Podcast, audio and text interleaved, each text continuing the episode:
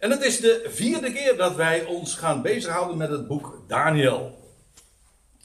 En inmiddels hebben wij eh, de bespreking van Daniel 2 afgerond. En zoals u ziet, we gaan eh, straks verder met uh, de bespreking van hoofdstuk 7, vers 1. In feite valt deze hele serie uiteen in nogal twee duidelijke delen, omdat het twee verschillende hoofdstukken bespreekt. En het eerste deel hebben we dus afgerond. En uh, ik heb uh, hier nog verder uh, niet kunnen vermelden hoe ver we precies zullen komen. ik heb dat niet al te precies gepland. En als ik het op het internet zet, dan kan ik er inmiddels een versnummer bij zetten hoe ver we gekomen zijn. Maar dat durf ik op dit moment nog even niet te zeggen. We zien wel waar we, waar we, waar het schip strandt, om zo te zeggen. Ja. Uh, en dat is een aardige metafoor als we het hebben over beesten die uit de zee komen, nietwaar? Want dat is waar Daniel 7 over gaat, jawel. Oké, uh, u bent het van mij gewend om even terug te blikken. En nou ja, zoals gezegd, over Daniel 2 hebben we het dus een drietal avonden gehad. En in dat hoofdstuk worden, wordt beschreven wat elders in de Bijbel genoemd wordt de tijden van de heidenen of beter wellicht de tijden van de natieën. En wat zijn die tijden dan wel? Wel dat die, die ontspannen die hele periode waarin de troon van Yahweh, dat is een bijbelse uitdrukking, en dat staat dan voor de plaats waar, waar God regeert, namelijk in Jeruzalem. Je leest, ik meen van Salomo, dat hij zat op de troon des Heren te Jeruzalem. En de tijden van de natieën, dat zijn die tijden waarin die troon, in Jeruzalem dus, waar de Davidische dynastie uh, gezeteld is. De Davidische dynastie, ik bedoel daarmee dus het huis, het koningshuis van David, dat een twintigtal koningen heeft gehad. En ja, bij de twintig, na de twintigste is er geen koning meer die daar op de troon heeft geregeerd. Weliswaar wij weten allemaal wie daar hoort te zitten en wie de ware zoon van David is. En juist deze dagen worden, uh, gaan veel, uh, veel, liedjes en veel gedachten daar ook over. Natuurlijk over de lang verwachte zoon van David. En als het daar inderdaad over gaat, dan vind ik het eigenlijk helemaal niet eens zo verkeerd om, het, om daarbij bepaald te worden. Meestal gaat het over heel andere, onbenulligere dingen. Maar goed, laten we het verder daar niet over hebben. In ieder geval, de zoon van David is er weliswaar, maar hij is, uh, ja, waar is hij? Nou ja, in ieder geval niet in Jeruzalem. Hij is, dat weten we, hij is verborgen daarboven. En het, is, het is mooi dat daar ook prachtige typologieën van zijn in de Bijbel, waarin dat zo ook beschreven wordt. In feite vervult hij nu niet zozeer de functie van koning. Ik zeg niet zozeer, maar ik moet eigenlijk zeggen helemaal niet. Die van koning, maar wel die van priester. En daar is hij nu gezeten in het hemels heiligdom. En feitelijk is dat de inhoud van de hele Hebreeënbrief die daarover gaat. In ieder geval, sinds die dagen, sinds de dagen van Nebukadnezar, sinds de verwoesting van de tempel en van Jeruzalem, heeft er nooit meer een telg uit het huis van David geregeerd in Jeruzalem. Tot op de dag van vandaag. Dus dan praten, dan we, dan praten we inderdaad over, ik noemde de termijn al eventjes in mijn gebed, zo'n pakweg 2500 jaar is daar dus geen sprake meer van een actieve uh, dynastie van David. En daarmee, uh, en dat is uh, het goede nieuws natuurlijk, is de termijn ook bijna voltooid. Want het duurt niet al te lang meer dat daadwerkelijk er wel weer een koning daar zal regeren te Jeruzalem. In ieder geval, Daniel 2 gaat bestrijkt die hele periode. En dan wordt dat beschreven in, ja, aan de hand van een droom die ooit Nebukadnezar heeft gehad. En dat wordt dan uitgelegd door, uh, we hebben de hele voorgeschiedenis daarvan ook behandeld natuurlijk, van vier op één volgende koninkrijken, die Nebukadnezar in de droom dan gezien heeft van het gouden hoofd, dat zilveren borststuk en, en de, de koperen lendenen en de ijzeren benen en voeten en tenen. En nou, echt moet ik zeggen, dat laatste deel dan uh, is het uh, leem, is het niet alleen ijzer, maar ijzer vermengd met leem. En die vier opeenvolgende koninkrijken, die hebben elk uh, vanuit Babel geregeerd. Ik zeg vier, ik moet dan eigenlijk het corrigeren. Er hebben drie koninkrijken tot dusver vanuit Babel geregeerd.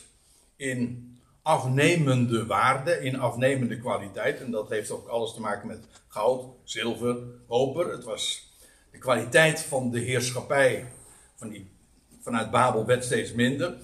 Maar uh, sindsdien, ja, sinds de dagen van Alexander de Grote, is er helemaal niet meer zoiets als een stad Babel. Nou ja, er is wel een stad die Babel heet, of tegenwoordig heet dat Hila. Maar uh, zonder dat dat enige betekenis uh, heeft in de, in de wereldpolitiek. Zonder dat daar vanuit geregeerd wordt. Zoals dat wel het geval is geweest in, nou ja, het Babylonische Rijk. Uiteraard, want ik, dat, ik zeg uiteraard, omdat het Babylonische Rijk wil juist zeggen, het is een rijk dat begonnen is in Babel en dat daar ook zijn hoofdzetel had. En dat was in de dagen dus van Nebukadnezar. En voor de goede orde, in feite was dat ook weer een herstel van wat er ooit al was. Want de eerste stad, de eerste stad van betekenis in deze aion, dat was Babylon. Of Babel, zo u wilt. Maar dan praten we over de periode vlak na de zondvloed. Goed, na de, het Babylonische Rijk, waarvan Nebukadnezar de eerste was, de eerste koning was, en de belangrijkste ook. Toen kreeg je het Medo-Persische Rijk. Dat uh, begonnen is met, uh, met Kores. En daarna kreeg je het Griekse Rijk.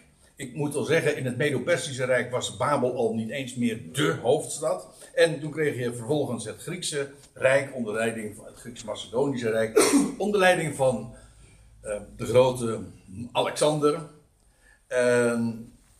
Hij, het eerste wat hij deed toen hij Babylon bereikte, was het tot hoofdstad van zijn rijk te verklaren. Hij was nog maar 33 jaar en had in een, in een gigantische spurt, waar het boek Daniel trouwens ook over gaat, Daniel 8, is dat vooral, uh, wordt dat toegelicht. Maar uh, heeft hij in een gigantische spurt, heeft hij de, de, de wereld veroverd. Toen, toen kwam hij in Babylon en toen verklaarde hij dat het hoofdstad van zijn rijk. En, en wat gebeurde?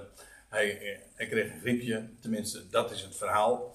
Er zijn ook andere versies, maar in ieder geval, uh, hij stierf daar op uiterst zeer jonge leeftijd. Alexander de Grote.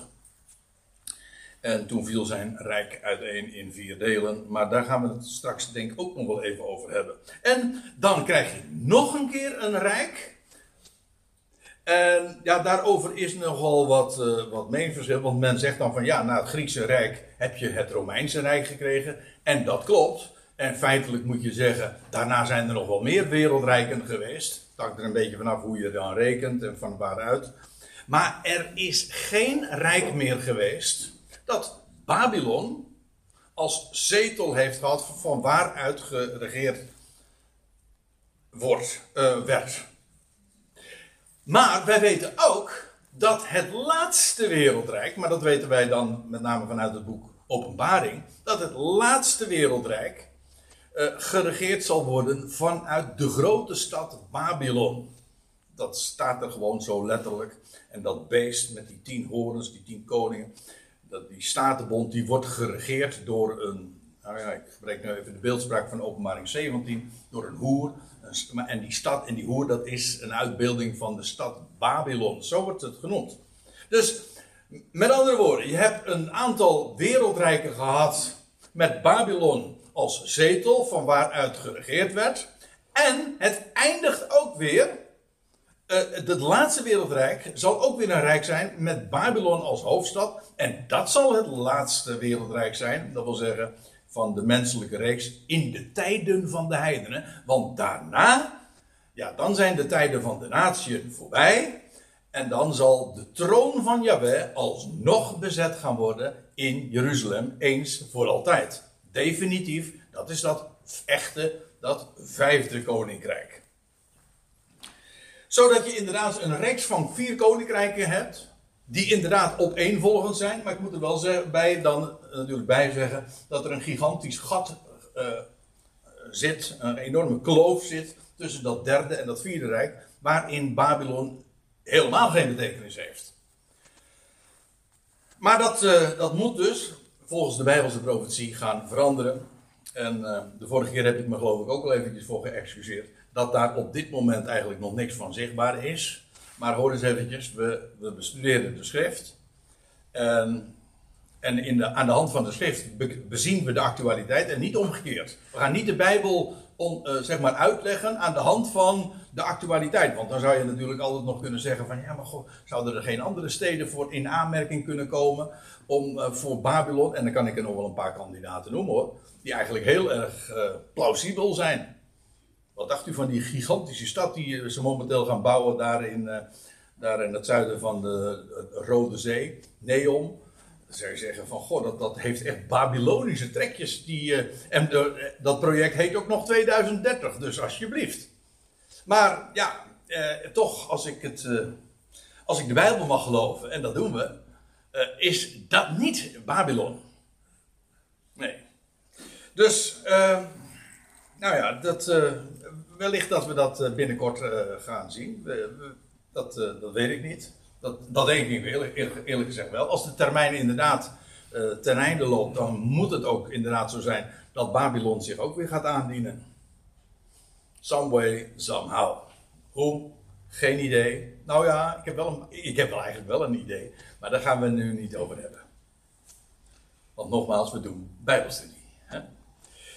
En het meest uitgebreid wordt dan in Daniel 2 natuurlijk beschreven dat dat laatste rijk, hè, dat, dat ijzeren lemenrijk. Hè, dat bestaat uit, dat is wat nogal erg benadrukt wordt. Uh, het uit twee elementen die ja, gemengd zijn, maar niet, die hechten niet. En dat is aan de ene kant dan ijzer en aan de andere kant pottenbakkersleem. En ik heb de vorige keer ook uh, betoogd. En uh, helaas is uh, een deel toen van het betoog weggevallen, want het werd, de opname, die, die ging niet goed met de geluidsopname niet. Dus net dat deel waarin ik dat toelichtte, dat is toen weggevallen. Maar aan de hand van de Bijbelse profetie, met name Jeremia, heb ik laten zien dat pottenbakkersleem inderdaad een uitbeelding is van het, het huis van Israël. Zo, zoals klei in de hand van de pottenbakker, zo bent u in mijn hand, zegt de Heer tegen Israël. En zoiets staat er dan in Jeremia 18. 18. Ja, en uh, hoe dan ook, uh, in dat laatste rijk zal Babylon weer uh, het, de, de, grote stad zijn. En vooral, ik, ik noem het het, nieuwe, het, het nieuwe, of het laatste Wall Street. Dat wil zeggen, het, het is het financiële, economische centrum van de wereld. zo wordt het in openbaring beschreven. En dat ook elders in de profetie. Ik heb nog verwezen naar Zacharia 5, waar we ook uh, woorden van gelijke strekking vinden dat in de vlakte van Siniar, dat is trouwens ook een hele duidelijke geografische aanduiding dat de stad Babylon daadwerkelijk niet daar ergens in de zuidpunt van Saudi-Arabië of uh, whatever, maar gewoon echt daar in die Uifraatvallei, die uiterst vruchtbare Uifraatvallei, uh, gebouwd zal worden. En, en het wordt beschreven als een, uh, als inderdaad, als met name een financieel handelscentrum. En uh, met name, en ook, dat is dus heel apart, ook weer joods gedomineerd. De stad Babylon is, mag dan weliswaar liggen daar in Irak, in de Arabische wereld. Jawel, maar het wordt beschreven juist als een joodse stad. Uh, door de Joden gedomineerd. En uh, het zal wel toeval zijn. Maar ik heb juist de laatste weken nogal wat, ja, het een en ander gelezen over, over geld en over de financiële wereld. En toen werd ik opnieuw bij bepaald, bij iets wat ik al wist. En het is natuurlijk al onbekend en de Joden zijn erom berucht dat dat ze zo'n een, een, een onevenredige rol spelen in de hele financiële wereld. Dat is al van oudsher en dat heeft ook allerlei redenen. Omdat ze geen land mochten hebben en moesten, ze waren eigenlijk wel destijds verplicht om, om in de handel te gaan. Maar even los daarvan, maar eh, toen bleek ook bijvoorbeeld dat, uh, dat, dat Wall Street voor het grootste gedeelte inderdaad in Joodse handen is. En toen kwam ik namen tegen waarvan ik helemaal niet eens wist dat ze Joods waren. Kijk, van de Rothschilds weten we allemaal van dat is een, dat is een, een Joodse, Joodse familie. Uh, maar ik kwam bijvoorbeeld ook tegen dat Lehman, weet je wel, waar 2008 de Lehman Brothers. Lehman, dat was een Joodse familie in de 19e eeuw vanuit Beieren. Ze heette eigenlijk Meijer. En Meijer, dat wist ik ook niet. Maar ja, ik vind het toch even leuk om dat tussendoor dan even te vermelden. Maar Meijer, dat is een, ja, is een, een uh, ook een, een naam, maar ook uh, in, de, ja, in de Joodse wereld ook erg bekend. In het Hebreeuws heet het dan Meir. Je had nooit de premier van Israël die zo heette natuurlijk, Golda Meir. Maar Me, uh, Meijer betekent eigenlijk huurder of rentmeester. Of uh, nou, woorden van gelijkstrekking, maar het heeft dus de hele... En als je dat eens op zijn Engels dan zegt, toen, he, toen ging Meijer, de familie Meijer, ging zich noemen Lehman. En dat heeft iets... Nee, je zou zeggen, heeft dat iets met Lehman te maken, maar... Lehman? Nee, nee, nee, nee dat, laten we nou niet, uh, laten we nou niet nog mooier maken. Maar uh, Lehman betekent inderdaad ook huurder. huurder. Kijk er maar na. En toen kwam ik, de naam van Goldman Sachs is een Joodse naam. En Peter Schiff. En heb u dat, die hele kwestie van vorig jaar uh, nog gevolgd van Sam Bankman-Fried. Die hele cryptohandel en, Gary Gensler. Nou, ik noem zomaar wat namen, maar het is, het is voor een groot gedeelte allemaal inderdaad Joods. Joods kapitaal. En dus dan kun je je ook voorstellen dat als dat om een of andere reden, die ons tot dusver dus niet bekend is, maar als inderdaad de financiële wereld zich gaat verschuiven en zich gaat plaatsnemen daar in, eh, het, in, eh, in, in de vlakte van Sinjar, ja, dat dat dan ook weer inderdaad eh, joods gedomineerd zal zijn. Dat is, dat is niet zo verbazingwekkend dan. Dat is eigenlijk heel logisch ook. En dat is precies ook, laat ik, laten we daar even bij houden, dat is wat de Bijbel inderdaad zegt. En in die zin staat Babylon dan ook inderdaad tegenover de hoer, tegenover de bruid. Jeruzalem. Oké, nou, uh, dat was inderdaad even de, even de terugblik. We zijn inmiddels 25 minuten verder, maar goed. Uh, in het eerste jaar staat er dan, uh, want we gaan nu dan toch echt naar Daniel 7 toe.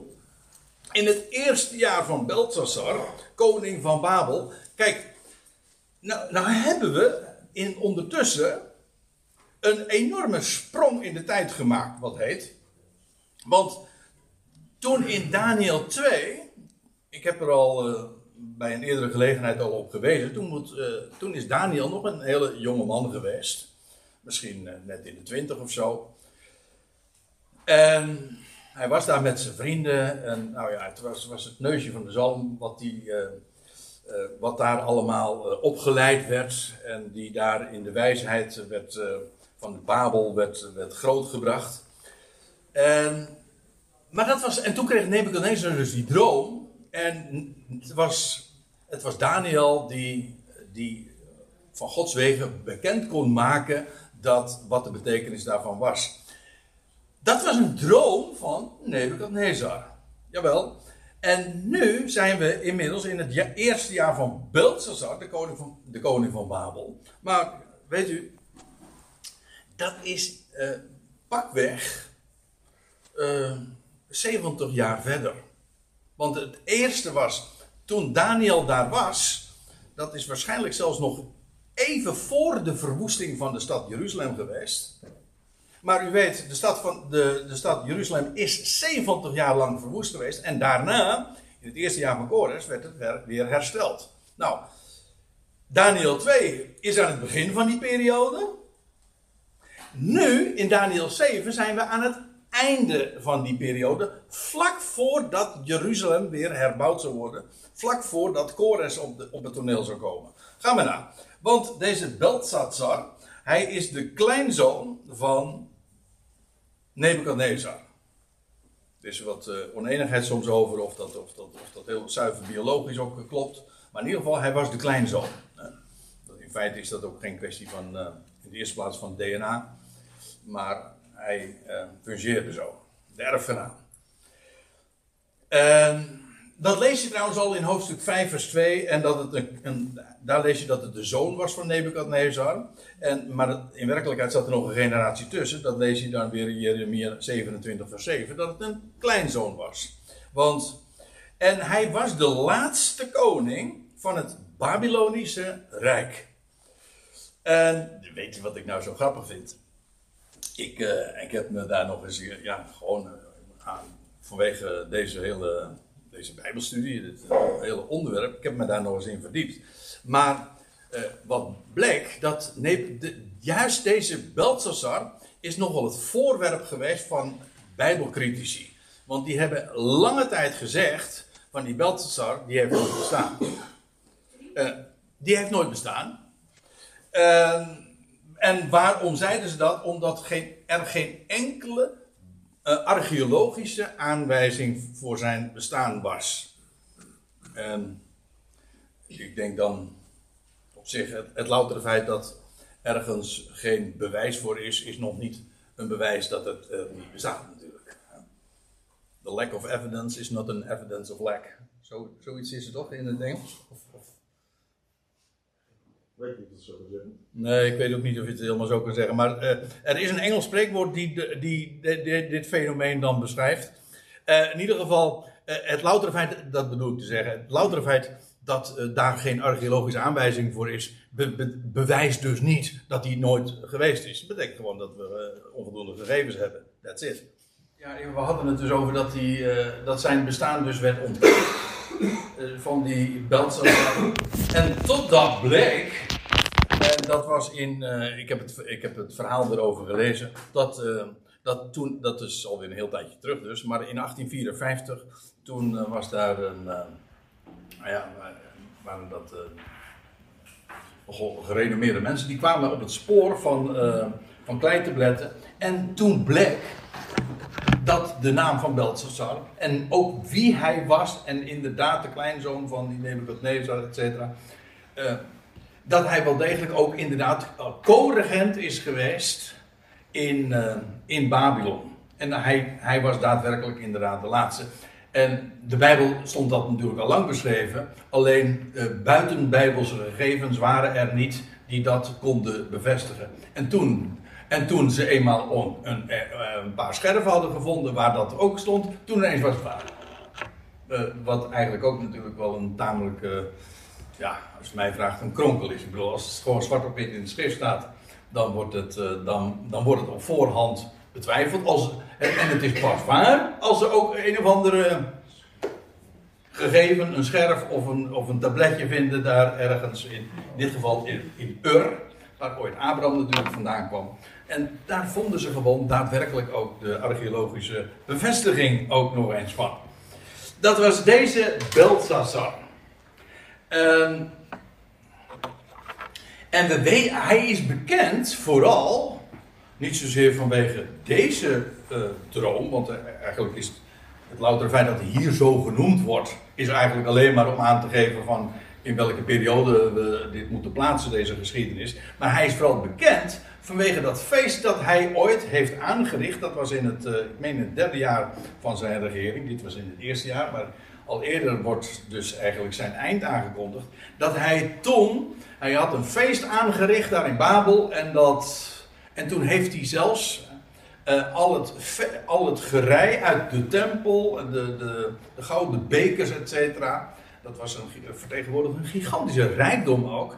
Maar die had hij genomen en daar had hij zijn feest mee opgeluisterd. Heel decadent feest. En, en toen, in bij die gelegenheid dan lees je dat daar die, ja, dat beroemde teken aan de wand. Het is nog steeds een, een uitdrukking, hè? een teken aan de wand. En toen werden daar de, de woorden, de, waren te lezen in het Hebreeuws. Mene, mene, tekel, uvarse.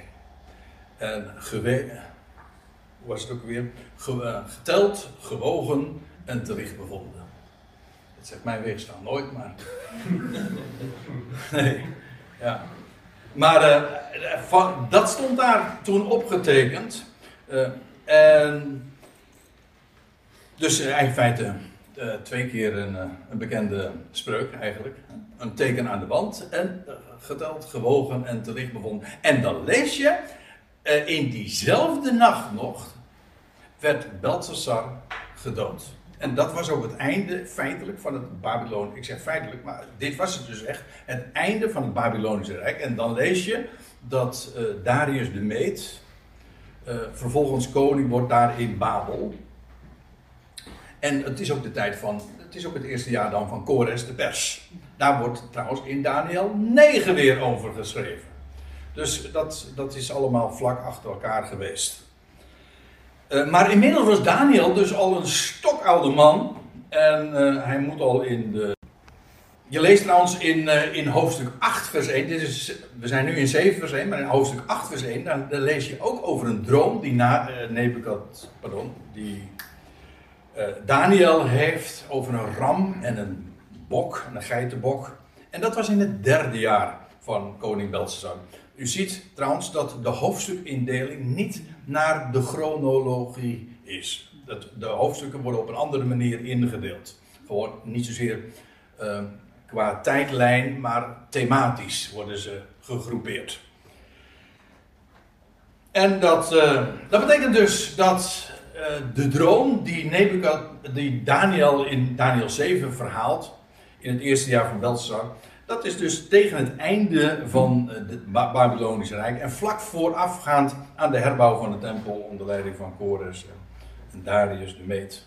Darius de Meet, die zag, daarvan las ik trouwens. Dat staat in Daniel uh, uh, 6 dan waarschijnlijk, ja. Begin van hoofdstuk 6. Die was 62 jaar dat hij hij, dat hij koning werd in Babel.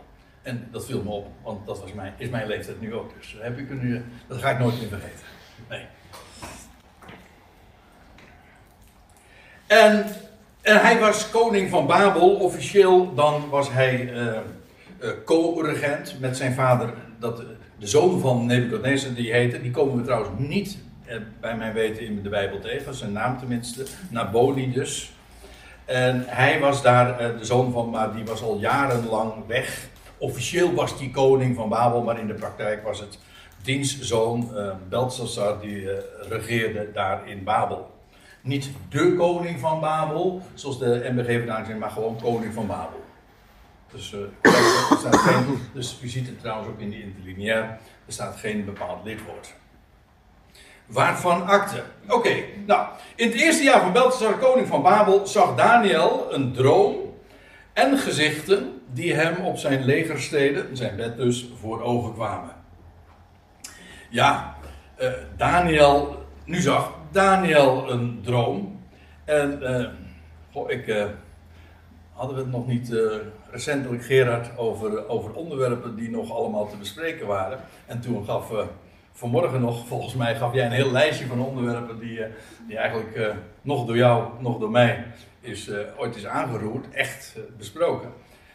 En, en vanmiddag kwam ik er weer een heel lijstje op tegen, want weet u dat de Bijbel een twintigtal dromen verhaalt in de Bijbel? Niet dat er, twin, er is veel meer keren gedroomd natuurlijk, maar dat twintig keer de inhoud van een droom verteld wordt. En waarbij het ook zonder uitzondering uh, uh, telkens een betekenis heeft. Ik moet erbij zeggen, twintig dromen vermeldt de Bijbel. Niet per se gezichten. Een visioen. Is niet helemaal hetzelfde. um, kijk, een droom dat is een visioen. Dan, je ziet dan beelden. Maar omgekeerd is niet helemaal. Is niet waar. Als je een gezicht ziet. Een visioen bedoel ik dus. Want ik zie nu ook een twintig, twintig gezichten natuurlijk. U ziet nu ook mijn, een, gezicht, ja. Maar uh, zo bedoel ik niet, een visioen. Uh, dat kan je namelijk ook hebben terwijl je gewoon in waaktoestand bent. Je leest van, van Petrus dat hij ook eh, dat laken zag, weet je wat, dat was een, visioen. En trouwens, de, de verheerlijking op de berg was ook een visioen. Het was geen droom. Dus die woorden. Dus in feite zou je kunnen zeggen: een droom is wel altijd een visioen. Maar een visioen hoeft niet altijd een droom te zijn. Zoals een mus wel een vogel is, maar een vogel hoeft niet altijd een mus te zijn. En uh, ik zal straks eens even verhalen. Ik, we gaan ze niet bespreken. Uh, de eerste, in Genesis 20, vers 3. Abraham, de droom van de Jacob in Bethel. En van Jacob, in Genesis 31 lees je nog een keer over een droom in Laban, in Genesis 31. Jozef, die de meesterdromer natuurlijk, uh, die gedroomd heeft, een paar keer zelfs. En van de schenker en de bakker. En van Farao, die een tweetal keren een droom droomde. Opmerkelijk, een tiental dromen die inhoudelijk allemaal beschreven worden, stuk voor stuk, in het boek Genesis. En dan heb je ook nog uh, die droom die Gideon hoorde, niet had, maar hoorde van een man. Uh, Salomo die een droom droomde. En nou ja, uh, als we het eh, hebben over het boek Daniel, Nebuchadnezzar. die zelf trouwens later ook nog weer een droom heeft. Van die grote boom, weet u wel. nu dan hebben we het dus over de vijftiende droom. En dan, heb, en dan komen we vervolgens in het Nieuwe Testament en dan is het Jozef. Dat was een meeste dromen. Nou inderdaad, want ook in het Nieuwe Testament dan droomt hij ook weer. Maar dat is een andere Jozef, dat zegt u. Dat klopt. Maar toch, hij heet ook Jozef. En de magiërs, die droomden ook. En dan weer Jozef die droomde. En nog een keertje die Jozef die droomde. over meeste dromen gesproken. En dan lees je nog één keer, dat is de laatste, de vrouw van Pilatus, die een hele vreemde, nare droom heeft gehad.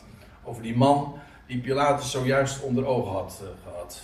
En over wie dat hele proces ging. Nou ja, twintig dromen. Uh, dit, uh, dit, is een onderwerp waar we zeker nog eens een keertje op terugkomen. Goed, dat is. Hè? Een heel seizoen. Ja, goed, nou, dan kun je wel een paar seizoenen aanwijden misschien, joh. Twintig dromen. Ik zat te denken, heeft het dan ook iets te maken met de twintig eeuwen? Met verborgenheid? Nou ja, ik, uh, ik zit hard op te denken. Uh, maar goed, Daniel had dus een droom en gezichten. Hij zag allerlei, hij zag allerlei dingen. En op zijn uh, legersteden, op zijn bed, die kwamen hem dus voor ogen. Hij ziet vooral dingen. Hij hoorde ook dingen, maar hij zag vooral dingen. En toen schreef hij die droom op, wat een heel goed, uh, wat heel verstandig van hem is geweest natuurlijk. In het algemeen, als je een droom wil bewaren, dan moet je hem echt meteen opschrijven. Want anders eh, ben je hem echt kwijt. Zelfs na 1, 2 minuten al. Dat is heel eh, merkwaardig met dromen. Maar goed, laten we het niet uh, te veel psychologiseren. Uh, hij droomt dit. Hij heeft on, ongetwijfeld meteen vanaf het begin uh, onderkend hoe belangwekkend dit was wat hij in de nacht gezien had op zijn bed. En, uh, en zo kon hij er ook later van vertellen, zoals we in vers 2 dan je. En dan staat er begin van het bericht. U ziet het, ik lees uit de NBG-vertaling zo af en toe. Als ik de, de tekst cursief druk dan, of weergeef, dan geef ik daarmee aan dat het een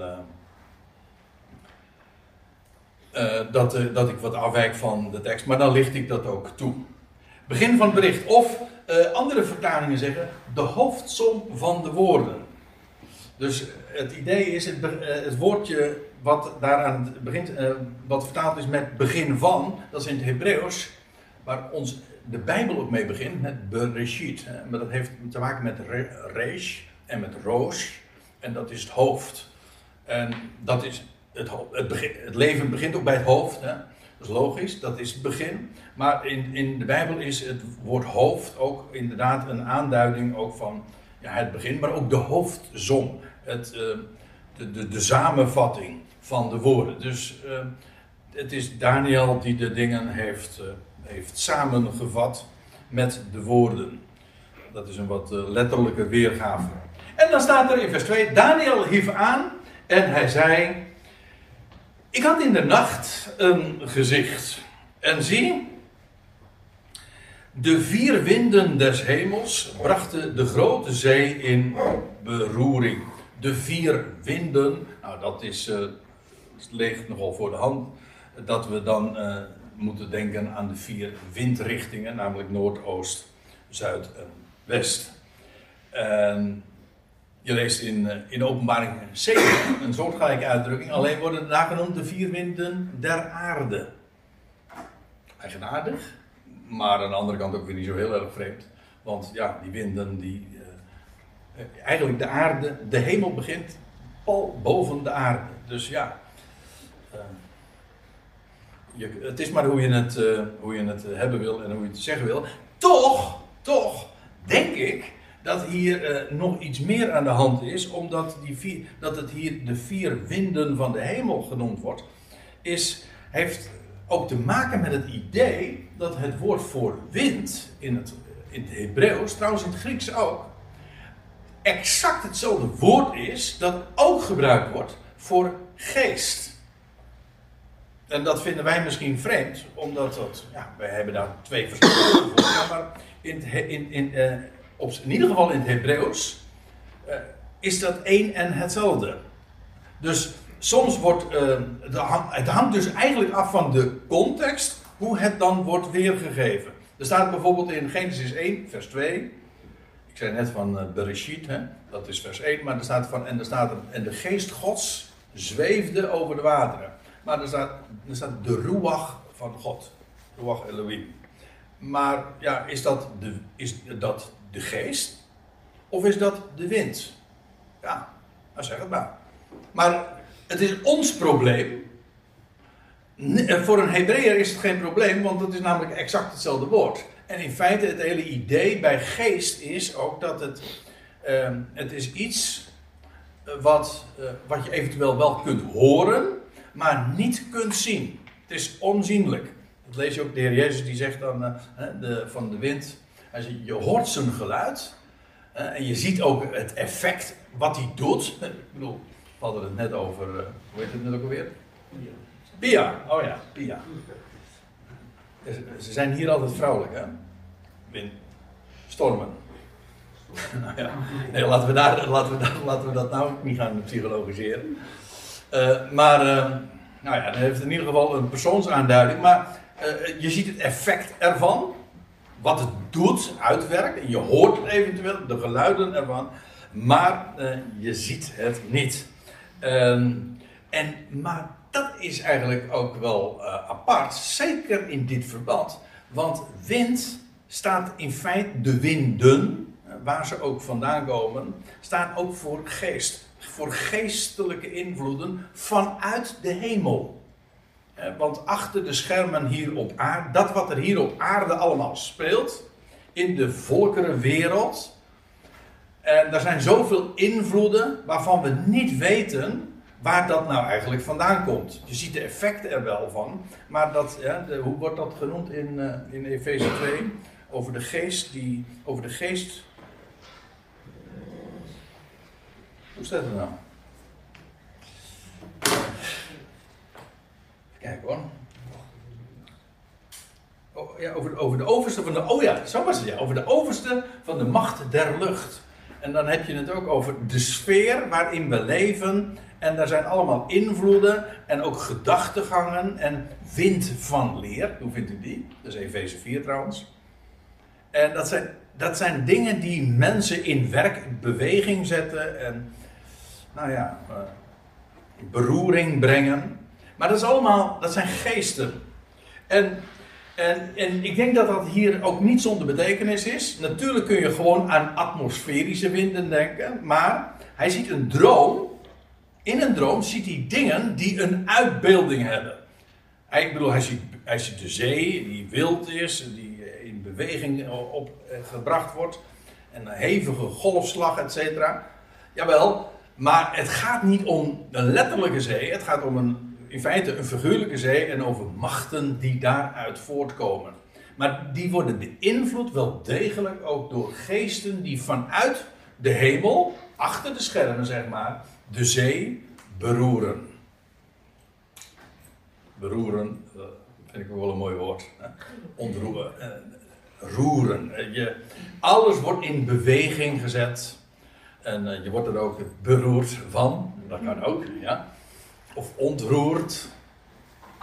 Geroerd. En ze, dat is wat er staat. Ze brachten de grote zee in beroering. Men heeft gedacht, de grote zee is soms in de Bijbel, niet altijd, maar soms in de Bijbel een aanduiding van de Middellandse Zee, wat voor een Hebreeën vrij voor de hand liggende gedachte is natuurlijk. Want ja, men kent het meer de zee van Tiberias, men kent de Dode Zee en de Grote Zee. Ja, wat is voor, een, is voor iemand die aan de Middellandse Zee woont de Grote Zee? Dat is de Middellandse Zee. Maar goed, dat hoeft niet per se. Uh, uh, in ieder geval, uh, de, de, de zee is uh, in de Bijbel een, een, type van, ja, van de volkerenwereld. En zoals wij ook spreken over de volkerenzee. Ik vind die aanduiding trouwens prachtig hoor. Los van het feit dat ze bijbels is. Maar ook het, het, het geeft precies ook aan dat het allemaal, ja, zo, zoals hier ook beschreven, onstuimig is. Voortdurend in beroering. En een hevige golfslag. Uh, en uh, als je daar niet veilig in navigeert, dan ga je gewoon uh, te pletteren. Ik, in de Bijbel is trouwens ook nog eens een keertje dus zo dat de zee dikwijls tegenover het land staat. En dan is het, en dan is het land staat voor Israël. Dat hangt een beetje van de context af. In de openbaring 17 wordt dat ook expliciet zo gezegd. Dan lees je uh, dan als Johannes uitleg krijgt van dat wat hij gezien had over die hoer, weet u wel, waar we het over hadden, en dat beest, ook met die tien horens, gaan we het later in dit seizoen uh, zeker nog over hebben. Maar dan staat er, en hij, die engel die hem tekst en uitleg geeft, die zei dan tot mij, de wateren die gij zaagt, waar op, de, waar op de hoer gezeten is, dat zijn natieën en menigten en volkeren en talen. Kortom, die hoer die zat op dat beest met die tien horens, maar in werkelijkheid ging de invloed en de heerschappij was wereldwijd. Dat wereldwijd had het, domineerde het. En daar waren die wateren waar aan die hoer gezeten is een, een uitbeelding van. Trouwens, um, die, die, die, de, de grootmachten, want daarover gaan we het straks hebben, over die beesten die daaruit voortkomen, die, uh, ja, die komen altijd voort uit de beroeringen in de Volkerenzee. In feite, elke, elke wereldmacht is een product weer van conflicten die daaraan vooraf gegaan zijn, een militaire strijd. En zo ontstaan er weer hele nieuwe machtsverhoudingen, nieuwe machtsblokken. En, uh, of zo u wilt, wereldrijke grootmachten. Daar hebben we het hier ook over. Die, de grote zee uh, werden in beroering gebracht door de vier winden des hemels. En dan staat er, en vier grote dieren stegen uit de zee op, het ene verschillend van het andere. En het wordt hier vertaald met uh, uh, groot, grote dieren. In de concordant version dan lees je monstrous. Dus monsterachtige dieren. Uh, elders wordt ditzelfde woord dan ook in de concordant versie weergegeven met immens. Dus het was eigenlijk, het is, je zou het dus eigenlijk moeten zeggen, zeer groot. In het Hebreeuws of in het Aramees staat er ook eigenlijk dubbel veel.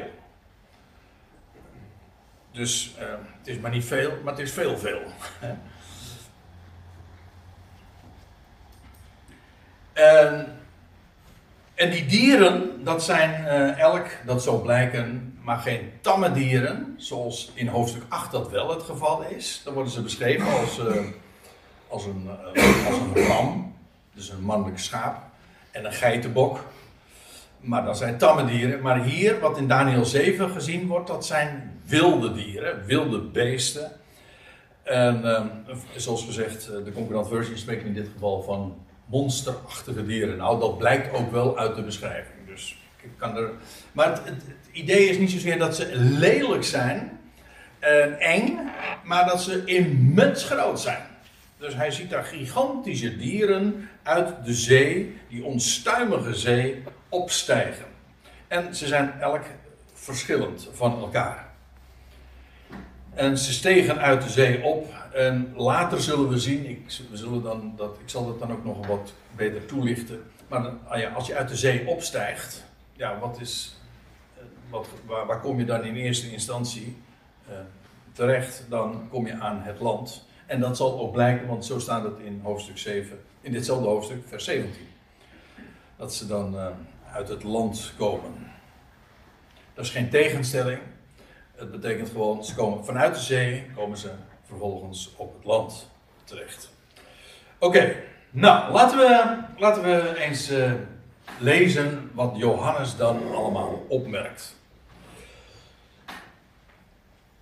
Ik heb, uh, dat moet ik er even, nog even bij zeggen, dat is uh, misschien wel, wel zo goed. Ik vond, het een beetje lastig om dit, een beetje, om dit goed in goede orde te vertellen.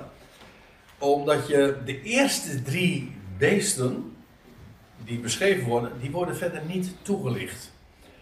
En dan vervolgens het laatste beest wordt wel weer uitdrukkelijk ja, niet alleen beschreven, maar ook toegelicht en wat, wat, wat die horens beduiden, et cetera, hoe dat, dat zal gaan.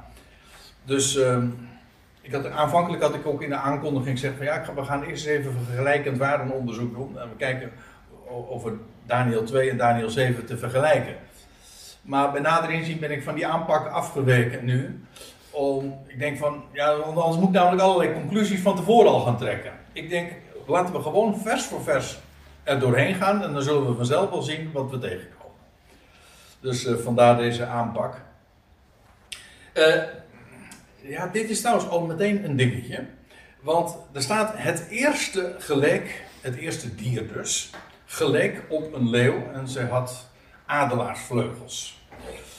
Ja, als u een concordant version hebt, dan staat er het oostelijke uh, op een leeuw. En hoe zit dat nou met die vertaling? Laten we het even toelichten. Het Aramese woord, het Aramees is trouwens heel erg verwant aan het Hebreeuws. Dat is niet heeft niet alleen te maken met het schrift, maar ook aan, aan allerlei werkwoorden. Het is heel duidelijk aan elkaar ge, gelinkt. Dat zie je ook hier. Ik, bij een eerdere gelegenheid heb ik toch ook verteld dat, hoewel het de, hele Bijbel zo goed als de hele Oude Testament zo goed als geheel in het Hebreeuws is overgeleverd en opgetekend, er zijn een paar uitzonderingen. En dat is met name in het boek Daniel. Daniel 2 tot en met 7 is opgetekend. Ja, wel, weliswaar door Daniel, maar in het Aramees. Niet in het Hebreeuws, niet in de taal van Israël, maar in de taal van ja, het Galdeus, van het rijk waarin hij zich bevond. Dus eigenlijk ook in een heidense taal is het opgetekend. En ik geloof dat ik er toen ook al op gewezen heb, dat is niet voor niks. Omdat hij het juist daar ook heeft over de dingen die verband houden met de volkerenwereld. En die tekent hij op in heidense taal. En zodra hij in hoofdstuk 8 het juist weer gaat hebben, speciaal over de relatie met Israël, dan keert hij weer terug tot het Hebreeuwse schrift en de Hebreeuwse taal. Maar goed, even terug naar dat woordje eh, wat hier gebruikt wordt. Het Aramese woord voor eerste is afgeleid van kedem, dat letterlijk, als je het helemaal elementair bekijkt, voorafgaand betekent. In, in het Hebreeuws eigenlijk een soortgelijk woord, vrijwel identiek. Um, ook in de huidige moderne Ivriet is dat trouwens ook nog uh, zo. Uh, als ik me niet vergis, is Kodem toch? Is, is toch uh, Oost voor in het Ivriet? Francis, ik kijk naar jou. Ja. Ik weet het niet meer. Hè? Ik weet het niet meer gezegd. Oké, oké. Oh, kan ik, kan, ik van je, kan ik zelfs nou van jou niet meer op aan. Uh, nou, ik heb ook zelf ooit uh, nog een paar uh, jaren Ivriet geleerd, maar ik, ik meen me dit nog te herinneren dat het zo was. Maar in ieder geval, het doet niet de zaken. in, het, in, in het Bijbels Hebreeuws is de code inderdaad ook oosten, maar het betekent letterlijk voorafgaand. En hoe en dat zeg ik niet om, om het nou complex te maken, maar juist om de dingen, om het te verklaren waarom het zo is. want oostelijk is namelijk, ja, waarom eh, dat is waar alles begint. Hè? De dag begint in het oosten. Daar komt de zon op. En vandaar ook in het Hebreeuws denkt eigenlijk van oost naar west. Oftewel van rechts naar links, want dat is eigenlijk hetzelfde. Hè? Want om nog eventjes uh, even die windrichtingen er weer tevoorschijn te halen, dan is dus, uh, dan heb je boven in het noorden en onder in het zuiden, jawel, maar dan heb je dus rechts heb je het oosten en dan heb je links het westen. En, en het Hebreeuws leest inderdaad van oost naar west, hè? van rechts naar links. Um, en vandaar ook dat je begrijpt dat als, uh, dat als het hier begint, ja, dat dat ook daar, uh, dat dat uh, woord ook voorafgaand betekent. Het eerste, het begin, wat, waar aan alles vooraf gaat. En dus dat kan in ruimtelijke zin. En wat Johannes, of wat Daniel ziet, is inderdaad, het is een reeks van, van, van rechts naar links of van oost naar west. Dat daar nog een andere uitleg aan gekoppeld is, namelijk dat het te maken zou hebben met, met uh, wereldreligies die van oost naar west. Daar kom ik later nog uh, over te spreken, maar ik, ik parkeer dat hier even. Ik noem het alleen eventjes omdat uh, de vertaling in de Concordant Version hier zegt de, het oosterse, of hoe staat het precies? De oostelijke, die geleek op een leeuw. In de praktijk maakt het in feite niet uit, want het Hebreeuws rekent sowieso van oost naar west. En dus is oost inderdaad het eerste. Je, je kijkt gewoon, hij, hij ziet een viertal dieren en dan rekent hij inderdaad van oost naar west. Oké. Um, dan staat er het eerste geleek op een leeuw. Um, nee, la, laat ik als, eerst, als laatste opmerking, voordat we gaan pauzeren, nog even dit zeggen. Um, dat, kijk, in feite is het de gedachte deze. In Daniel 2 ziet Nebukadnezar dat beeld. Hè, en dan wordt er gerekend van boven naar beneden. Hè, van top tot teen. In, het, in, de, in de droom van Daniel 7, die Daniel zelf heeft, dan is het dan is het beeld dus horizontaal, niet verticaal, maar horizontaal. En dan wordt er gerekend van oost naar west. En dat, uh, en dat verklaart dus uh, de, de, de, beeldspraak. Of, en de, de, de, ja, de woordenschat. Dus of hier staat oostelijk of eerste, in de beide kan in het Hebreeuws en in het Aramees. En in de praktijk uh, maakt het ook geen verschil. Goed, nou, wat hij dan als eerste of als het meest oostelijke ziet, laten we het daar na de pauze uh, eens over doorgaan. En wij gaan verder met Daniel 7. En we waren nog niet eens zo heel erg ver gekomen, maar dat maakt niet uit. En we hadden bij vers 4 begon feitelijk de beschrijving van wat Daniel daadwerkelijk uit de zee zag opkomen. En het eerste, of het voorste, of het oostelijke, dat geleek op een leeuw, staat er. En zij had adelaarsvleugelen. Um, dat het een leeuw was, in, uh, ja, dat is, wordt in de Bijbel beschreven. Ja, het is bekend. In de Bijbel is dat uh, de gedachte. Maar uh, in het algemeen is dat ook een bekend beeld van de koning der dieren. En in die zin uh, ligt, dat, ligt de connectie met Daniel 2 zo voor het oprapen. Want Nebukadnezar werd met zijn koninkrijk voorgesteld als het hoofd. En hij werd zelfs genoemd koning der koningen. Dus als er één koning is, dan was hij het wel. Hij was niet degene die alle koningen uh, wegvaagde, dat hij als enige overbleef. Nee, hij was van alle koningen de koning. Dat is wat de uitdrukking betekent. En dat dat eerste dier dan ook daadwerkelijk uh, hier in dit geval vergeleken wordt met een leeuw, uh, hoeft dan ook niet te verbazen. In de loop van de bespreking zal, ik vanzelf ook, zal vanzelf ook duidelijk worden waarom ik het uitleg zoals ik het uitleg. Dat wil zeggen, ik leg Daniel 2. Eh, Daniel 7 is zeker niet zomaar een herhaling van Daniel 2, want daar zou het niks toevoegen. Maar het loopt wel parallel. Het zijn vier koninkrijken die in beide hoofdstukken beschreven worden, waarbij de, het laatste koninkrijk, vijfde, inderdaad eh, de vier voorgaande volledig vervangt. En dat is het koninkrijk van Jezus Christus. En in die uitleg zullen we, denk ik, alleen maar bevestigd worden. En als het de tekst daar aanleiding toe geeft, dan zal ik dat vanzelf nog wel wat nader motiveren. Uh, het tweede, uh, trouwens, wat er van dat beest of van dat wilde dier gezegd wordt, is: uh, het, geleek op een leeuw en ze had adelaarsvleugelen. Nou, eerst nog eventjes dit.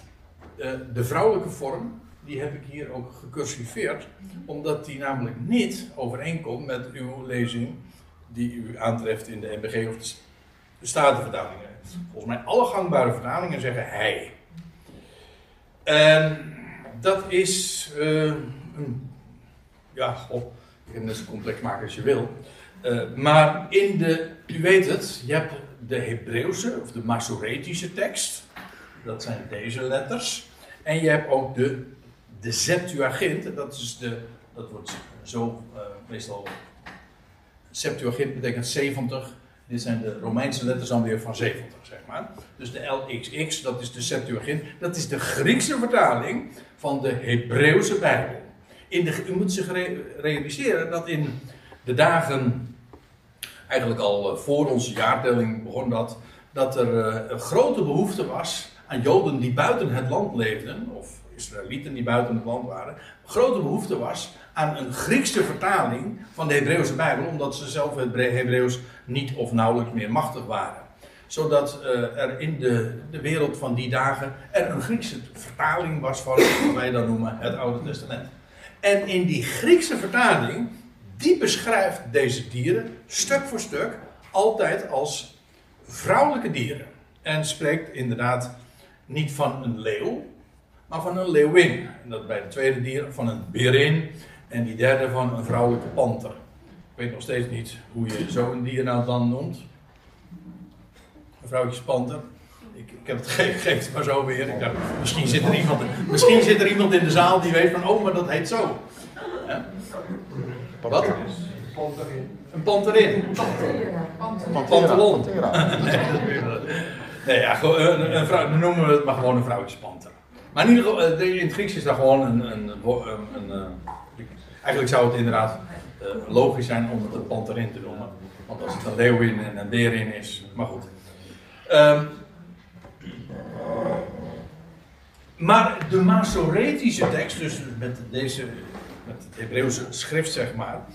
Uh, die gebruikt wel altijd mannelijke aanduidingen. Dus die spreekt niet van leeuw, leeuwin, maar van leeuw. En niet van Berin, maar van Beer.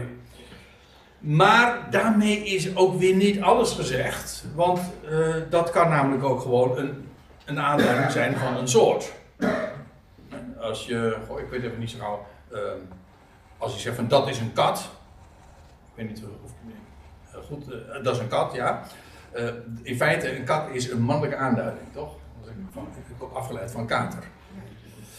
Nou ja. Uh, en zij, wij spreken ook over van hoeveel, hoeveel, man, hoeveel man zit er in de zaal? Dan zeg je 20 man. Maar dat is mannelijk uitgedrukt, want er zitten namelijk ook vrouwen in de zaal. Jawel, maar de sekse doet dan in zo'n beschrijving niet ter zake.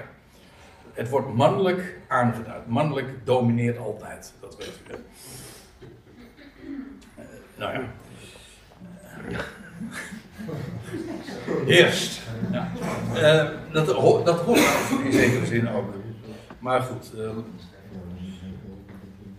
ik moet er wel bij zeggen dat hoewel in de Masoretische tekst de aanduiding iedere keer is van een leeuw, een beer, een panter, mannelijke aanduidingen.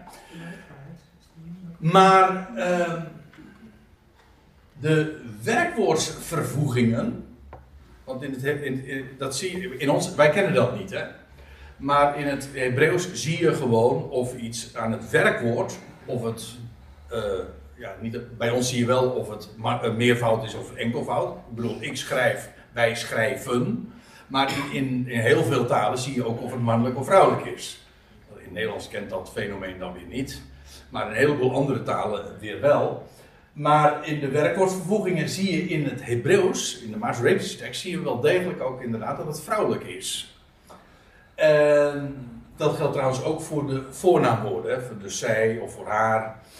En dat wordt dan zo weergegeven. En dat is in de Masoretische tekst, wordt het wel vrouwelijk weergegeven. Dus er staat hier inderdaad, het eerste geleek op een leeuw en zij had een adelaarsvleugels. Zo staat het er eigenlijk. Dus niet alleen in de, in de Septuagint helemaal duidelijk. Maar goed, je zou daarvan kunnen zeggen dat is een vertaling en dat is dus niet het origineel.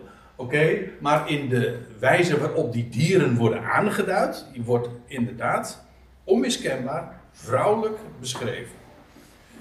Dus uh, ik ga ervan uh, uit dat het inderdaad vrouwelijke dieren zijn. En dat maakt verschil, want inderdaad, in Daniel 8, over die, die, die, dat, dat, uh, die ram en die, dat geitenbokje, nou, daar gaat het juist heel uitdrukkelijk over mannetjesdieren. Ook tamme dieren, maar ook mannetjesdieren. Panter is vrouwelijk. Ja, panter is vrouwelijk. Luipaard is mannelijk. Ja. Is dat zo? Ja. Panter is vrouwelijk? Ja. ja. Ah, oké. Okay. Oké, okay. een luipaard. Ja, maar dat het twee verschillende soorten waren. Nee, nee. Ik dacht twee verschillende Oké. Oh, en dan, dan klopt de aanduiding uh, panter hier sowieso. Ik meen trouwens dat de Statenvertaling hiervan, uh, hier spreekt van een luipaard. Ook hier in Daniel 7. En dat de NBG-vertaling van een panter spreekt. Dat zeg ik uit de losse pols, maar ik. Kijk maar na. Ja. Dus dat eventjes als het gaat over de, het geslacht van de dieren die hier beschreven worden. Uh, het doet dat zullen we later nog zien, wel ter, voor de verklaring ook ter zake, omdat het, het feit dat als het mannelijk beschreven wordt, dan gaat het vooral over politieke macht. Terwijl als het vrouwelijk beschreven wordt, dan gaat het vooral over de religieuze kant van het verhaal. En van onderwerping, onderschikking, zodat het niet, het is niet voor niks. En juist in de beschrijving van de dieren hier in Daniel 7 gaat het vooral over de godsdienstige uitdrukking van die machten. Dat zullen we vooral zien ook bij, die, bij dat vierde dier dat grote woorden spreekt tegen de God, de Allerhoogste, et cetera. Dat, uh, het gaat vooral over de godsdienstige kant daarvan. Ik kom daar later uh, nog even op terug, maar nu alvast eventjes uh, heb ik verklaard waarom het inderdaad wel degelijk gaat dus over vrouwelijke dieren. Uh, het eerste geleek op een leeuw en zij had adelaarsvleugels.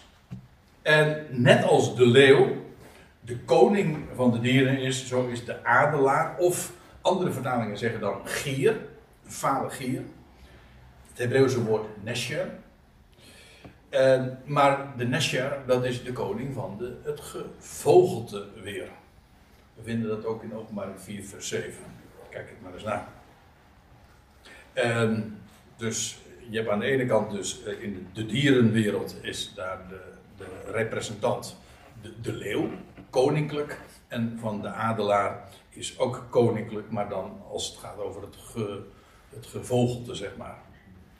En die adelaarsvleugels staan voor, voor de snelheid waarmee een prooi wordt overmeesterd. In dit geval is dat ook vrij logisch, want het gaat over wereldmachten die uh, ja, zich meester maken van andere rijken, andere landen, andere, uh, of vooral, vooral ook militair vertoon. Hoe zou het anders de ene macht de andere kunnen vervangen? Dat is, dat is juist doordat het sterker blijkt dan degene die wordt aangevallen. Zeg ik goed? Ja. En dus daar staat er, terwijl ik bleef toezien, werden haar vleugels uitgerukt het is eigenlijk wel op, opmerkelijk, ik heb er al eventjes op gehint, dat de eerste dieren, eerste wilde dieren, eerste drie wilde dieren, die worden niet in dit hoofdstuk uitgelegd. Excuus. En je zou zeggen van dat is een leemte. Eh, Van, van het vierde dier, uitdrukkelijk wel, worden de, de details heel uitdrukkelijk uitgelegd. Die tien horens, wat het zijn en, en wat er dan allemaal mee gebeurt. Alles wordt dan in detail ook uitgelegd. Maar niet van die eerste drie dieren. En waarom is dat? Ik kan maar één zinnige verklaring bedenken en dat is: de lezer wordt geacht eh, te begrijpen waar het over gaat. Omdat we de lezer die Daniel 7 onder ogen heeft, die heeft Daniel 2 ook al gelezen. Want zo gaat het met het boek, je begint bij het begin. Dus je hebt het voorgaande heb je gelezen en daar had je ook, en daar is ook sprake van een, een opeenvolgende reeks van dieren, van beesten. En daar was al uitgelegd van, eh, waar dat de betrekking op had. Het eerste rijk, dat bent u, Nebuchadnezzar. En eh, na u zal een ander rijk opstaan, eh, maar geringer dan het uwe. En dan, dan nog één, et cetera. Dus we weten dat het eerste dier dan moet slaan op het eerste rijk. En daarin worden we inderdaad ook bevestigd. Ik zei al, het is het, het Babylonische rijk van Nebuchadnezzar, dat was koninklijk. Dat wordt zowel in het in eh, dat leeuwengedaante als in die adelaarsvleugels uitgedrukt. Maar eh, vervolgens, eh, die vleugels die worden uitgerukt, staat er. Dus kennelijk de, de macht, de snelheid waarmee het anderen overmeestert, dat, dat houdt op. Dat verdwijnt. En dan staat er, en zij werd van de grond opgeheven. En op, het is eigenaardig, en op twee voeten overeind gezet als een mens. En haar werd een mensenhart gegeven. Ook dit, ik zei al, ook dit werd er niet uitgelegd. Als je alleen dit zou hebben, dan, dan rijst toch de vraag van, waar gaat dit over? Behalve dan de houvast die je hebt van, ja, het moet, eh, het moet de, een link zijn met dat eerste koninkrijk, oké. Maar in hoeverre is dan eh, wat hier gezegd wordt, het, het, eh, dat het eh, eh, op twee voeten gezet wordt als, als een mens en het werd een mensenhart gegeven. Waar, hoe, op, op welk, in welk opzicht slaat dat op het Babylonische Rijk? Waar, wat, wat weten we uit het voorgaande? Ik kan maar één ding dan als antwoord geven. En dat is dat we van Nebukadnezar, die trouwens op dit moment al lang niet meer, nou nee, al lang, al lang niet leefde, want inmiddels was zijn kleinzoon aan de macht dus. Maar eh, van Nebukadnezar weten we, eh, eh, sterker nog, daar is een heel hoofdstuk aan gewijd, dat hij een, eh, ja, hij had, hij, hij was zo hoogmoedig geworden, hij, hij schreef alles wat hij ontvangen had van God, schreef hij aan zichzelf toe, hij werd hoogmoedig, en dan lees je dat hij voor zeven tijden een dierenhart kreeg. Je leest dat in hoofdstuk 4, vers 16. En na die, gedurende zeven tijden, en eh, het wordt niet beschreven hoe, wat voor tijden dat zijn, maar kennelijk zijn dat zeven tijden van jaren, zeven jaren dus. Later zullen we trouwens ook nog in dit hoofdstuk de uitdrukking tegenkomen tijd. Twee tijden en een halve tijd. En dan is het inderdaad ook een tijd, gewoon een tijd, namelijk van een jaar. En van twee jaar en van een half jaar. Drieënhalf jaar dus in totaal. Maar goed, eh, Nebuchadnezzar heeft dus zeven jaar lang eh, heeft hij een dierenhart gehad. Hij had, hij had ook. eh, hij werd- hij- ja, god. Hij werd, hij werd gewoon een beest. Zo wordt het ook beschreven. Hè? En ik eh, dat ooit eh, hoorde van een bijbelleraar, die vond ik wel mooi. En eh, die zei van, heel vaak wordt gezegd van, eh Daniel, eh, Nebuchadnezzar die, die werd gek omdat hij hoogmoedig was, maar hij was eigenlijk, hij was eigenlijk al gek. doordat hij al die luisterde en dat wat hem was toegevallen, aan zichzelf toeging. Aan zichzelf zeg maar de eer daarvoor gaf. Nou, in feite lijkt je dan al aan hoogmoedswaanzin. Eh, Macht maakt je ook heel erg. eh, het, macht corrumpeert niet alleen, maar macht maakt je ook heel erg eh, achterdochtig. het doet eigenlijk een heleboel gekke dingen met een mens. Maar ook, je, je raakt daardoor bedwelmd. Je ziet de dingen niet meer zuiver. En vooral hoogmoed. Eh. In ieder geval, Nebuchadnezzar eh, kreeg toch weer, met, na zeven tijden, kreeg hij een mensenhart. En zo staat het er ook letterlijk dat hij weer een mensenhart kreeg. Dus als je die, die term die daar hier gebruikt wordt, hem werd een mensenhart en haar werd een mensenhart gegeven, diezelfde uitdrukking komen we dus weer tegen in Daniel 4. En dan wordt het inderdaad gezegd van Nebuchadnezzar. Dus ja, dan eh, lijkt me toch eh, de som uiteindelijk niet zo moeilijk. Eh, en het koninklijke hebben we daarmee verklaard. We hebben ook daarmee verklaard hoe eh, aan de, de machtsuitbreiding eh, een einde kwam, maar ook hoe het, het, het beestachtige toch bij in het hoofd, Nebuchadnezzar, eh, menselijk werd. Het, hem werd een mensenhart gegeven. Dus ja, ondanks het feit dat het niet wordt toegelicht, eh, mag, eh, mag je aannemen dat dit inderdaad de gedachte is en verwijst naar het Babylonische Rijk. En dan staat er, en zie een ander dier, het tweede, geleek op een, eh, op een, een beer. En dit komt dus overeen, mag je dat, ik bedoel in diezelfde lijn, krijg je ook weer die telling. Het tweede, dit verwijst naar het tweede koninkrijk. En dit komt overeen met het koninkrijk van de Meden en de Persen. Ik eh, wees er al op. Dit was dus in het eerste jaar van Belshazzar. En Belshazzar was de laatste koning van het Babylonische Rijk. En het zou nog een, twee, drie jaar duren dat de Meden en de Persen het zouden gaan overnemen. Dus wat hier nu staat, eh, ja, dat had Nebuchadnezzar in zijn droom ooit ook al gezien in, in, de, in, de, in die eh, reeks van wereldrijken, in dat statenbeeld. Maar nu ziet Daniel het zelf ook in een droom. Alleen de verschijning is veel heftiger. In feite, dat beeld dat is heel statisch. Het is een statue, heel statisch. Het staat daar gewoon maar. Eh, dat mag dan heel indrukwekkend gezicht geweest zijn.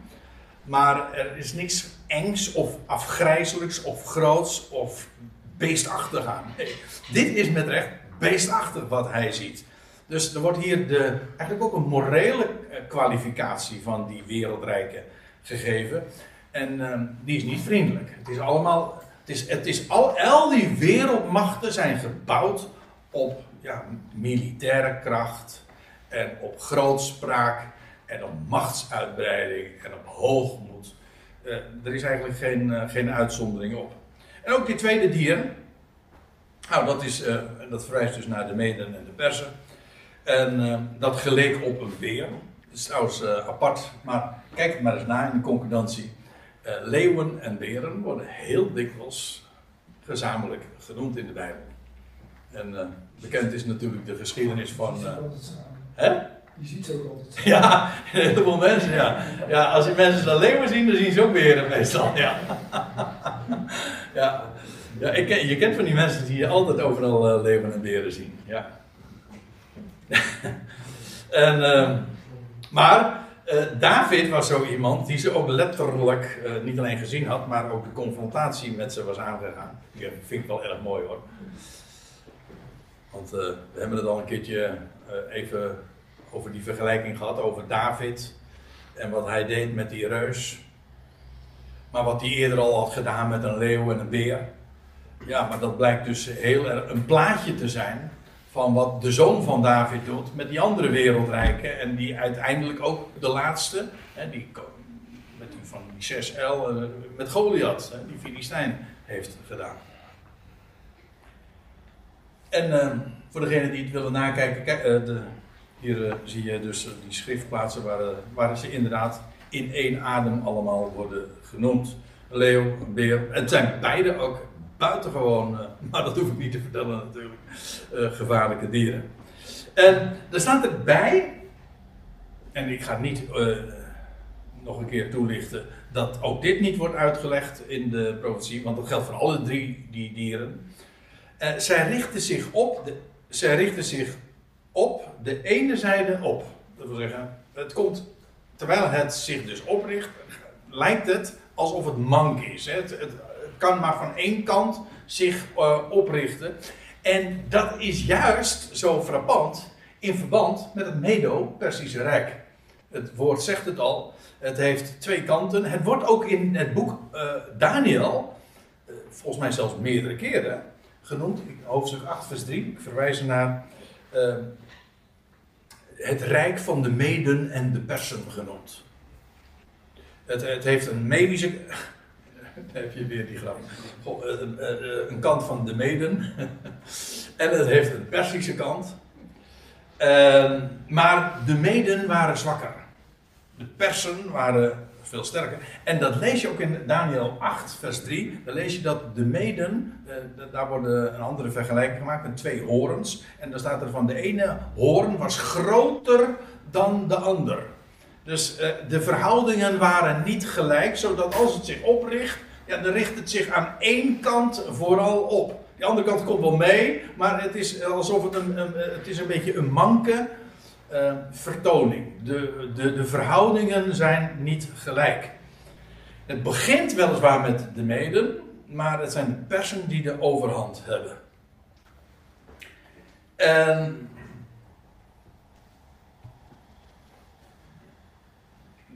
ja, die, eh, over die Daniel 8. Dat zou, eh, het zou mooi zijn als we daar ook nog eens een keertje in de gelegenheid voor zijn. Om, om, die, eh, om dat hoofdstuk te, lezen. Want daar wordt inderdaad beschreven. die, de, zowel het rijk van de Meden, de Meden en de Persen. En het Griekse rijk van Alexander de Grote.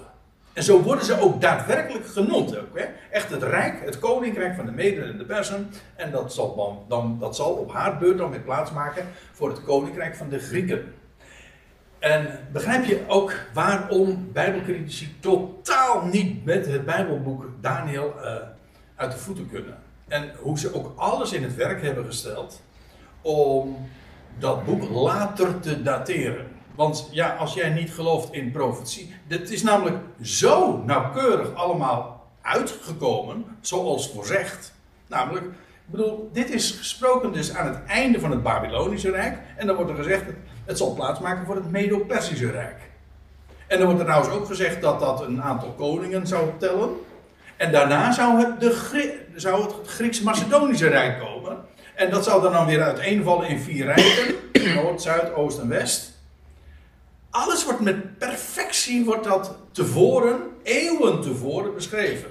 Als jij niet gelooft in profetie, ja, want dan ben je dus genoodzaakt om te zeggen van nou dat zal dan wel achteraf genoteerd zijn. En dus heeft men het boek Daniel veel later gedateerd om te zeggen van ja dan, eh, dan, hoef je, dan is het gewoon allemaal achteraf profetie.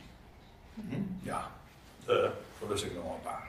Maar dat is dus de moeite die men dan doet om, om zo'n boek later te dateren. Gewoon om zich af te maken van de, ja, het goddelijk vermogen eh, om de dingen te voorzeggen.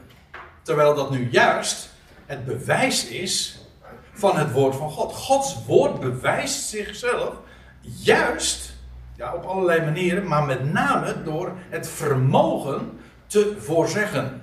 Wat er gaat gebeuren, hoe het gaat gebeuren, waar het gaat gebeuren, wanneer het gaat gebeuren. Geen mens kan dat. Nee. En als, als God dat dus wel doet in de schriften, dan bewijst dat zijn goddelijk vermogen. Daarmee bewijst de schrift zichzelf. Ze doet iets wat namelijk geen mens bij machten is te doen. En dat vind ik, ja, dat is geweldig. Go- Wij hoeven Gods woord niet te bewijzen. Wij hoeven, je, hoeft, je hoeft ook geen een waakhond bij een leeuw neer te zetten. Die leeuw, laat die leeuw maar los. Om het dan toch even bij die leeuwen niet meer te houden. Hè. Laat die leeuw maar los. En, en die zal zijn kracht vanzelf wel bewijzen. Geweldig zoals het woord zich bewijst. Oké. Ehm, dit gaat dus over dat, dat, dat tweede dier, dat tweede wilde dier.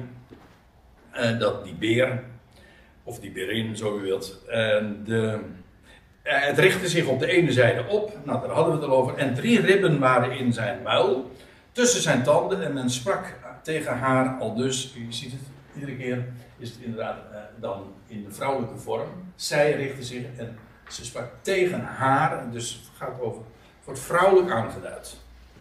En sprak tegen haar al dus, sta op, eet veel vlees. Zelfs als je niet de details hier kent, één ding wordt wel duidelijk. En dat is, die beer die is erg, wat je van een beer ook wel mag verwachten, bloeddorstig. Het, het wordt ook, er wordt gezegd, sta op, eh, eet veel vlees. Nou, dat is niet tegen dovermans oren gezegd. En het heeft drie ribben in zijn muil. Die is wat lastiger, vind ik. Maar eh, om, waarom? Omdat eh, dit niet vanuit de Bijbelse geschiedenis is te, te linken. We weten dat het Mede-Persische Rijk ook eh, in betrekkelijk korte tijd uh, grote, uh, enorm is uitgebreid. Niet zo snel als het Griekse, maar toch wel. en het heeft hele grote overwinningen behaald over Lydië en over Babel. Nou dat mag duidelijk zijn, want daar hebben we het juist ook over. Maar ook Egypte heeft het veroverd. En waarschijnlijk, maar goed, ik geef door voor wat het waard is, uh, slaan die drie ribben die in zijn muil zijn, juist op die veroveringen. Namelijk, het herinnert nog aan dat wat het veroverd heeft. En die drie grote veroveringen. En, uh, maar in ieder geval, het gaat over dat, dat tweede dier dus. Daarna zag ik en zie een ander dier, gelijk een panter. Wil ik weer even wijzen op iets, uh, op een wat alternatieve weergave van de Concordant Version. Want in de Concordant Version, die geeft dit weer met in plaats daarvan. In plaats daarvan zag ik en zie een ander dier. En inderdaad, dat is de betekenis uh, van het woord. Hetzelfde woord komen we ook tegen in hoofdstuk 2, vers 39. En die wil ik even aanhalen. Juist omdat ze uh, eigenlijk over dezelfde dingen gaat. Wat staat er dan? Uh, in onze vertaling staat dan: Doch na u zal een ander koninkrijk ontstaan. Maar letterlijk staat er dit woord uh, in plaats daarvan. U ziet dat trouwens ook in de interlineair. In plaats daarvan. Dus er staat. Ik geef toe, in de praktijk maakt het niet zo gek veel verschil. En toch, de, het, het idee is vooral. Uh, in uw plaats zal een ander koninkrijk ontstaan. Dat betekent het een vervangt het ander. Er was een wereldrijk, namelijk dat van het Babylonische. Maar in de plaats daarvan komt een ander wereldrijk. En daarmee vervangt het het voorgaande. Dat is wat de kracht van de uitdrukking in plaats daarvan. Het is dus maar niet zo van, uh, daarna zag ik het. Alsof het een, een, beschrijving is van, nou ja, je kan, het niet, je kan niet allemaal tegelijk vertellen. Eerst zag ik een leeuw, daarna zag ik een, een, een et cetera. Zo van, uh, ik, ik, vertel het in deze volgorde. Nee, het gaat er juist om dat wat Daniel ziet, dat uh, die reeks van dieren, die die vervangen elkaar. Dus in plaats van dat uh, die berin, ziet hij nu een ander dier, hè? een derde dier. Dus echt ter, in plaats daarvan en dus ook ter vervanging daarvan. Wat trouwens ook aangeeft, ik geef het, uh, we komen er nog uh, uitgebreider op terug, maar er is daar nog een argument alvast. Dat we hier niet praten over wereld over religies die tegelijkertijd hun macht uitoefenen. Nee, het gaat hier over koninkrijken die, waarbij de een de ander vervangt. Eigenlijk exact zoals we dat in Daniel 2 ook aantreffen. Ik weet dat broeders, sommige broeders hier anders over denken.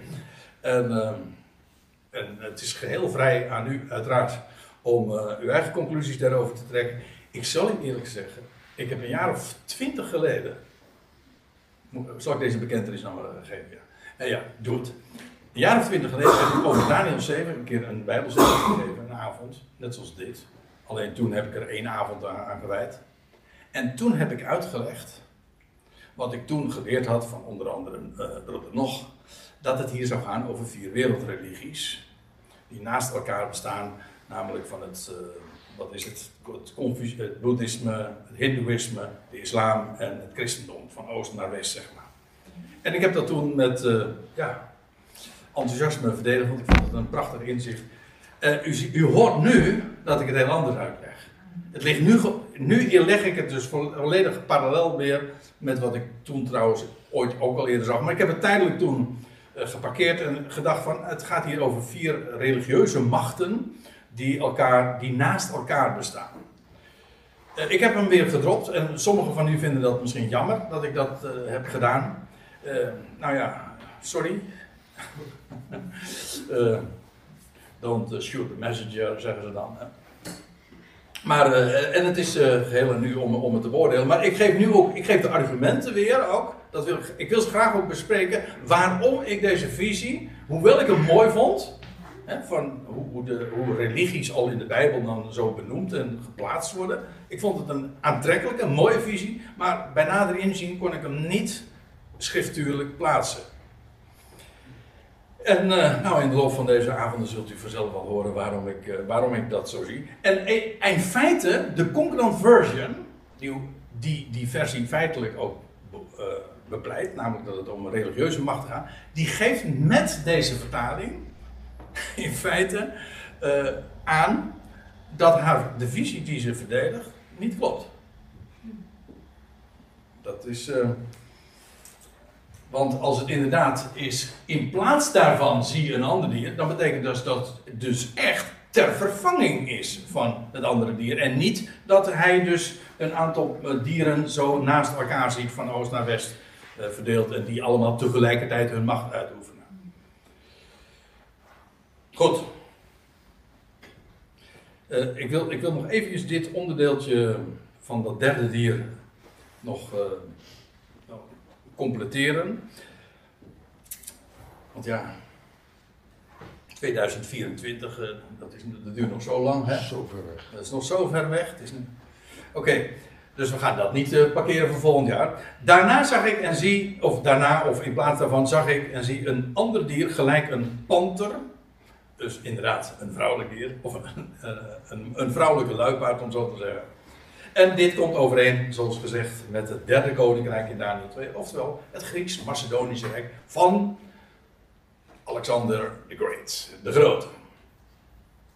En ook daar is weer, het is echt heel frappant hoe de uitleg zichzelf ook aanreikt. Want er staat, en zij had vier vogelvleugels op haar rug en vier koppen. U zegt, dat is wel een rare verschijning. Ja, maar in een droom kan dat allemaal. Wat er in een droom allemaal niet kan, dat wil je niet weten, joh. Eh, Dat kan allemaal.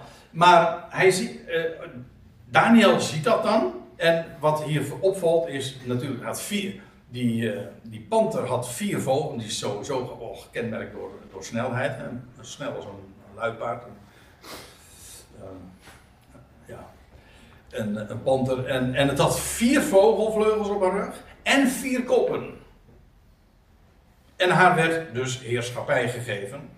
En dat, van dat Griekse Rijk wordt namelijk eh, gezegd, is niet alleen uit de, eh, de seculiere overlevering is dit bekend, uit de geschiedenisboekje zeg maar, maar ook gewoon in de Bijbel wordt beschreven dat het Griekse Rijk onder leiding van Alexander de Grote uiteen zou vallen onder zijn vier generaals. Want Alexander heeft zijn rijk zo met een gigantische snelheid uitgebreid, maar dat deed hij met vier generaals.